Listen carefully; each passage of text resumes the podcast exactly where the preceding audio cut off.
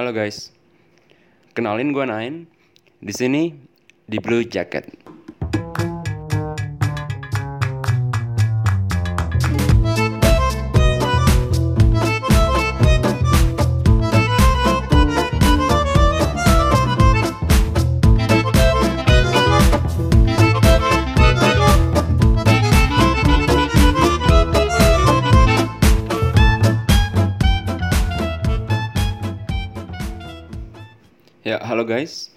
Kenalin gue Nain.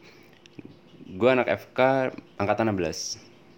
Jadi di sini sebenarnya podcast ini memang ditujukan buat kita sharing-sharing tapi lebih fokus terhadap hal-hal terkait teknologi atau project startup hal-hal yang memang lagi hype di kalangan mahasiswa dan karena ini adalah podcast kita. Kita berpikir kalau misalnya mungkin sekarang kita pingin ya podcast ngasal istilahnya share sharing gimana sih sebenarnya masing-masing dari kita yang bakal ngisi konten di sini.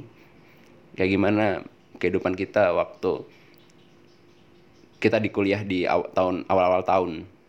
Kan sekarang maba lagi hype-hype-nya dan seneng banget gue ng- ngelihatnya waktu kemarin gue wisuda apalagi tuh anak maba habis keluar loncat-loncat dari Balairung dapet KFC kan. Terus gue lihat nggak tau lucu aja sih. Soalnya gue ngerasa waktu empat tahun lalu gue kayak gitu aduh malu banget ya. Kayak jadi kayak kelihatan bocahnya tuh kelihatan banget sih kalau gue lihat ya oke lah. Dan mungkin bagi sebagian anak-anak maba ya. Ada sebagian dari anak maba yang pasti takdirnya persis kayak gue di mana gue adalah anak SMA yang ya bisa dibilang paling ngasal anaknya anaknya nakal nggak serius. Di SMA tuh bahkan nggak ada yang ngerasa gue bakal bisa masuk PTN gitu. Pas gue pernah waktu itu pemilihan jurusan sama guru BK gue datang kan ke guru BK Um, dan gue bilang kalau Muhammad Zulkarnain bakal milih FKUI gue bilang kayak gitu tuh. Terus guru BK-nya bilang apa coba? Bahkan guru BK-nya bilang kamu serius mau masuk FKUI di sekolah kamu belum di sekolah ini belum ada loh. Terus pas pas itu gue tahu kalau memang belum ada. Nah justru gue memang pingin mecahin hal-hal yang ya belum pernah terpecahkan gitu. Sebenarnya tuju- tujuan gue akhir-akhir waktu awal-awal masuk kuliah kayak gitu sih persis. Gue pingin ngelakuin apa yang orang-orang tuh ngerasa itu nggak bisa dipecahin gitu. Itu kebiasaan gue waktu dulu sih. Jadi salahnya masih nggak punya tujuan gitu lah. Nah pas singkat cerita ya pas SMA orang-orang nggak yakin kalau misalnya gue bakal masuk FKUI karena gue setuju sih waktu dari SMP sampai SMA itu gue kecanduan main game dan gila banget ada titik di mana masa di mana gue main game sampai 14 jam sehari. Dan sumpah gue tidur di warnet habis itu bawa sejadah. Pernah di mah sama guru terus berarti gue masih makan teratur dong. Gua makan akhirnya makan teratur dengan cara gua bawa biskuit ke warnet bayangin. Kalau misalnya makan teratur tuh tandanya jangan main game em, sampai tengah malam sampai pagi. Itu justru justru gua gimana caranya supaya game gue tetap lanjut gitu. Bahkan gue udah bisa sampai bikin tim waktu SMA tim dari lima orang waktu itu gue main Dota. Dan di situ bahkan pada akhirnya di tahun ketiga itu kita sampai lomba-lomba gue inget terakhir tuh lomba yang levelnya sebandung lah. Itu di Bandung Indah Plaza namanya BIP di situ bagi orang-orang Bandung pasti tahu nih. Halo orang Bandung. Nah di situ kita se- sempat main di situ sempat daftar terus ya berlaga di situ. Walaupun kita nggak sampai final sih nah singkat cerita di tahun-tahun naik ke tahun ketiga itu ternyata dua dari lima orang tersebut tuh nggak naik kelas. Dan bahkan PKN gue hampir sempat mau masuk C mau dapet C cuman gue akhirnya berbicara sama diundang grup PKN untuk berbicara gitu. Gue ketemu juga sama grup PK untuk ya ngomongin supaya gue itu mesti lebih niat lagi sekolahnya terutama mengenai sikap disiplin gue gitu. Kan kalau misalnya di SMA ada beberapa hal yang agak strict ya itu gue mesti masuk kuliahnya jangan telat lah apa. Karena kengasalan gue ya nggak gue nggak peduli lah. Nah bayangin intinya gue bener-bener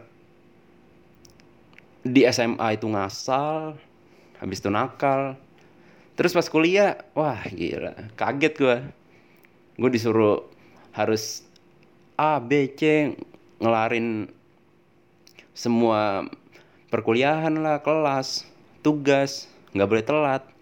Bayangin gimana caranya orang yang di SMA itu sering gak masuk lah. Dipanggil guru BK terus PKN hampir hampir C. Tidur mulu. Pas uas aja pernah nginep di warnet. Dan ya pada akhirnya gue masuk ke FK gitu. Singkat cerita gue masuk ke FK dan ya gue yakin nggak cuman gue doang sih yang kayak gini. Pasti ada anak-anak yang tiba-tiba mas ya bisa dibilang koplak di F, di SMA terus masuk ke tiba-tiba masuk ke UI ke ITB biasanya ada tuh. Nah itu biasanya ya bagi kalian para maba seperti itu ya kita struggling bareng-bareng karena susah banget sih sejujurnya. Kalian bakal nanti tahun pertama nih orang-orang tuh expect kalian punya latar belakang yang sama seperti orang-orang yang pada umumnya SMA-nya tuh rajin. Makanya mereka bisa masuk ke kuliah karena mereka mere, memang mereka rajin gitu. Contohnya anak FK rata-rata mereka rajin banget buat ngerjain tugas lah datangnya tepat waktu dan sebagainya. Dan semua kating-kating lu juga bahkan nge-expect kayak gitu. Sampai gue struggling banget lah di sini.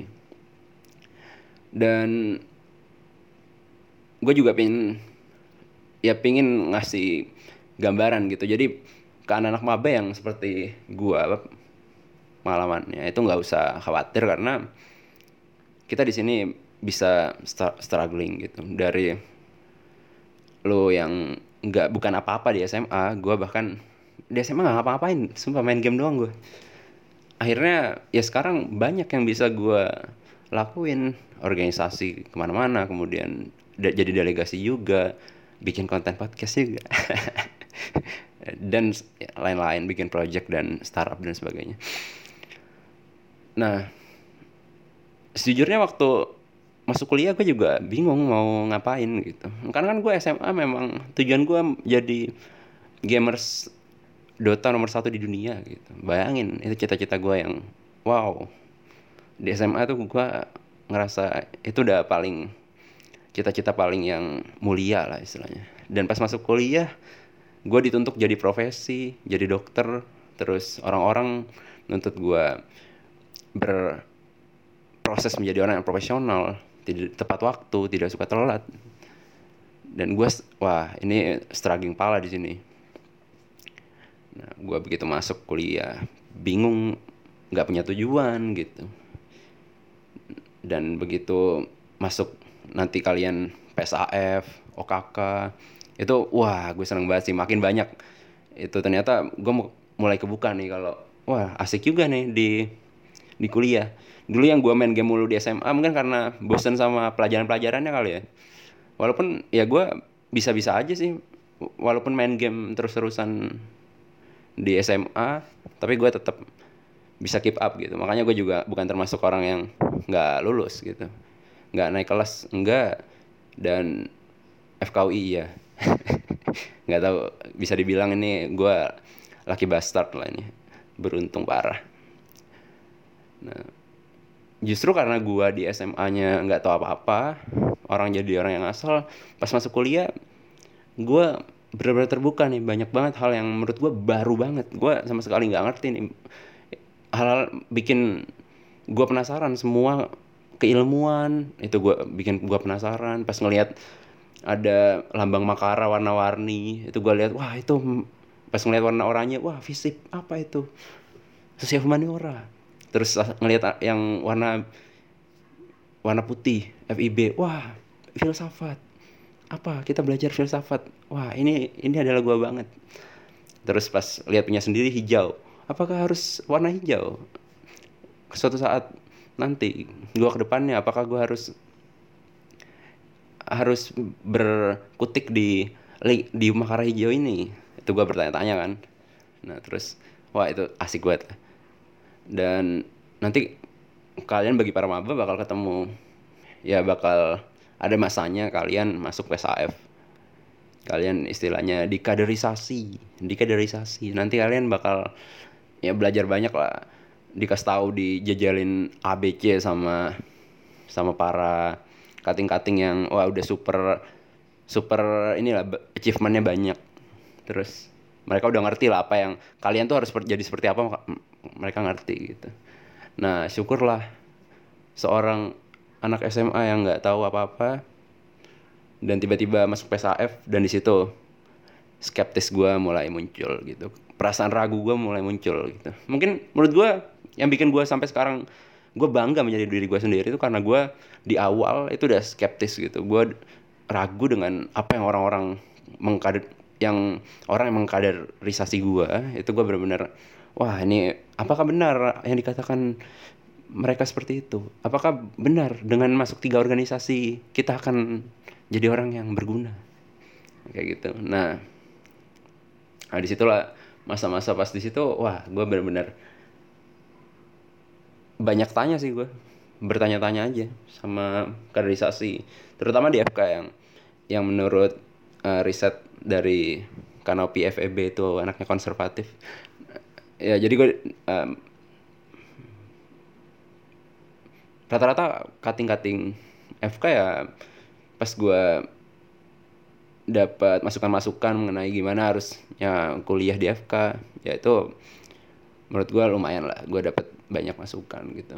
Tapi tetap tidak mengubah keskeptisan gue dan setelah setelah gue sudah melewati PSIF dan Mabim dan hebatnya gue bisa melewati itu gue juga masih nggak tahu kenapa nah di situ masuklah fase untuk ya nanti kalian bakal cari cari interest apa yang kalian mau. Kemudian kalian milih organisasi lah dan sebagainya. Di situ masuklah fase di mana gue mencari interest gitu. Karena gue orangnya yang skeptis. Di PSAF tuh banyak banget saran-saran dari cutting dan sama sekali gue tolak gitu. Gue sama sekali ah nggak percaya lah orang-orang istilahnya orang-orang yang udah ngasih banyak informasi ngasih banyak tips and trick. Termasuk gue sekarang itu kalau bisa kalian tetap skeptis. Nah dapat dapat banyak masukan tapi tetap jalan yang gue tempuh selama tiga dua sampai tiga tahun ke belakang itu benar-benar jalan yang bisa gue katakan jauh dibanding teman-teman gue yang lain gitu. Gue bahkan keluar dari zona per FKan itu sendiri. Jadi di sini juga gue pengen nge mecahkan mitos kalau misalnya ya kalau kalian sudah masuk ke fakultas tertentu ya bakal di situlah nasib hidup kalian dan gue pengen memecahkan itu gitu karena gue sejujurnya waktu pas SMA milih FK itu ngerasa karena FK adalah fakultas yang prestis yang ya istilahnya masuk FK gaul terus lu bakal wah orang-orang bakal suka sama lu gitu. Suka dalam arti ya didamba-dambakan lah. Dan kenyataannya emang benar. Dan ya pada kenyataannya gue sebenarnya nggak milih-milih FK banget sih. Gue bukan kayak teman-teman gue yang lain yang dari awal punya tujuan mengabdi bagi Indonesia. Pengen jadi spesialis A B C. Pengen jadi ahli bedah untuk enggak sama sekali enggak. Ya gue masuk FK ya simply karena wah FK keren gitu. Itu kan waktu gue SMA gitu. Dan gue masuk di sini gue di teman-teman di sekitar gua kating-kating itu berasumsi bahwa gua ya akan jadi dokter akan jadi sesuai apa yang mereka bayangkan. Dan itu yang paling gue nggak suka. Gue nggak mau orang bisa tahu apa menjadi apa gue ke depannya bagaimana tujuan gue gitu. Itu benar-benar gue tolak gitu. Mulai dari situ anak-anak FK udah fokus di kegiatan fakultas dan sebagainya. Gue benar-benar keluar dari situ. Gue cari interest se seluas luasnya walaupun gue juga masih ngikut. Ya ada ya karena gue ada circle sendiri di FK gue tetap ikut di kegiatan-kegiatan di FK gitu. Karena gue masih uh, senang dengan pergaulan teman-teman circle gue gitu. Gue sangat sayang mereka. Jadi ya udah sampai di situ gue akhirnya tetap gue ya ikutin kegiatan di fakultas dan juga di luar di luar tuh banyak banget yang gue jalanin. Organisasi-organisasi lah kepanitiaan kelas lah. Kelas filsafat apa semua udah gue coba gitu. Dan di titik itu ya gue pengen nekan, nekanin aja ke para maba di sini bahwa yang dengerin podcast ini kalau saat kalian nanti masuk PSAF terus nanti kuliah. Ntar ini udah berapa lama sih? Oh masih 15 menit. Ya nanti pas kalian PSAF itu jangan sampai kalian menerima semua apa yang kating-kating kalian bilang gitu. Dan terutama buat anak-anak yang istilahnya ngasal ya waktu SMA-nya ya. milih jurusan juga ngasal itu kalian mesti explore sebesar selebar-lebarnya seluas-luasnya gitu. ketemu teman-teman yang berbeda dari fakultas berbeda universitas bahkan. Karena saat banyak ilmu saat banyak opportunity yang kalian bakal temuin nanti gitu. Dan percayalah nggak nggak setiap fakultas yang kalian himpu yang kalian hinggapi sekarang itu menentukan masa depan kalian gitu. Karena ya kalian milih fakultasnya cuma berapa lama sih? Sebulan dua bulan buat decision making yang menentukan lu sampai mati yang menentukan profesi lu. Masa cuma hanya ditentukan waktu yang dua bulan? Itu kan menurut gua nggak worth it. Masih banyak waktu gitu untuk untuk mengeksplor diri lu. Dan gua pun demikian gitu. Gua pada akhirnya karena skep di awal masuk kuliah bingung mau ngapain akhirnya syukurnya karena itu gue jadi skeptis. Karena gue jadi skeptis gue mencari interest seluas-luasnya selebar-lebarnya. Dan pa pada akhirnya ya kebentuklah tujuan gue sekarang gitu. Menjadi mahasiswa yang yang firm atau yang kuat solid yang punya fondasi di mana gue udah ngerti tujuan gue sekarang gitu. Yang intinya gue nggak harus harus ngikutin apa yang orang-orang lain harapkan terhadap gua gitu. Dalam arti di sini orang-orang yang harapkan terhadap gua gue menjadi dokter yang rajin menjadi dokter yang taat mengabdi. Ya oke okay lah kalau misalnya memang itu mungkin bagi sebagian anak FK yang lain itu jalan mereka gitu. Tapi buat diri gue sendiri gue nggak hipokrit dengan diri gue gue nggak istilahnya nggak munafik dengan apa yang gue inginkan gitu. Maksudnya setiap setiap gue yang lakuin itu gue nggak mau ngelakuin hal yang sebenarnya gue nggak mau gitu. Nah jadi akhirnya ya gue oke okay, gue seneng gitu ngejalanin kedokteran bukti uh, dan dengan ngejalanin kedokteran ini bukan berarti gue harus jadi pure atau murni menjadi dokter tapi gue pingin ngejalanin interest gue di luar itu gitu. Nah di situ nah di situlah maksudnya uh, menarik banget buat lu terutama anak-anak maba-maba baru yang di SMA-nya nakal dan kemudian bingung mau nyari tujuan di kuliah sekarang. Itu tenang aja karena gue juga sama eh, banyak orang yang seperti itu gitu. Tapi ya hanya ada dua pilihan gitu. Kalau misalnya seandainya kalian bingung ngapa-ngapain dan kalian hanya mendengarkan nggak skeptis dengan apa yang kating-kating katakan, bah bahkan kating-kating lo itu belum tentu ngerti gitu sama gimana kondisi lu gimana keingin apa apa keinginan lu apa latar belakang lu itu mereka nggak tahu tapi lu yang tahu dan kalau misalnya yang baik menurut gua itu lo skeptis dengan apa yang orang-orang ragu dengan apa orang-orang sarankan kepada lu dengan cara lu memperlebar sebesar-besarnya interest yang lo explore di kuliah nanti. Kayak gitu.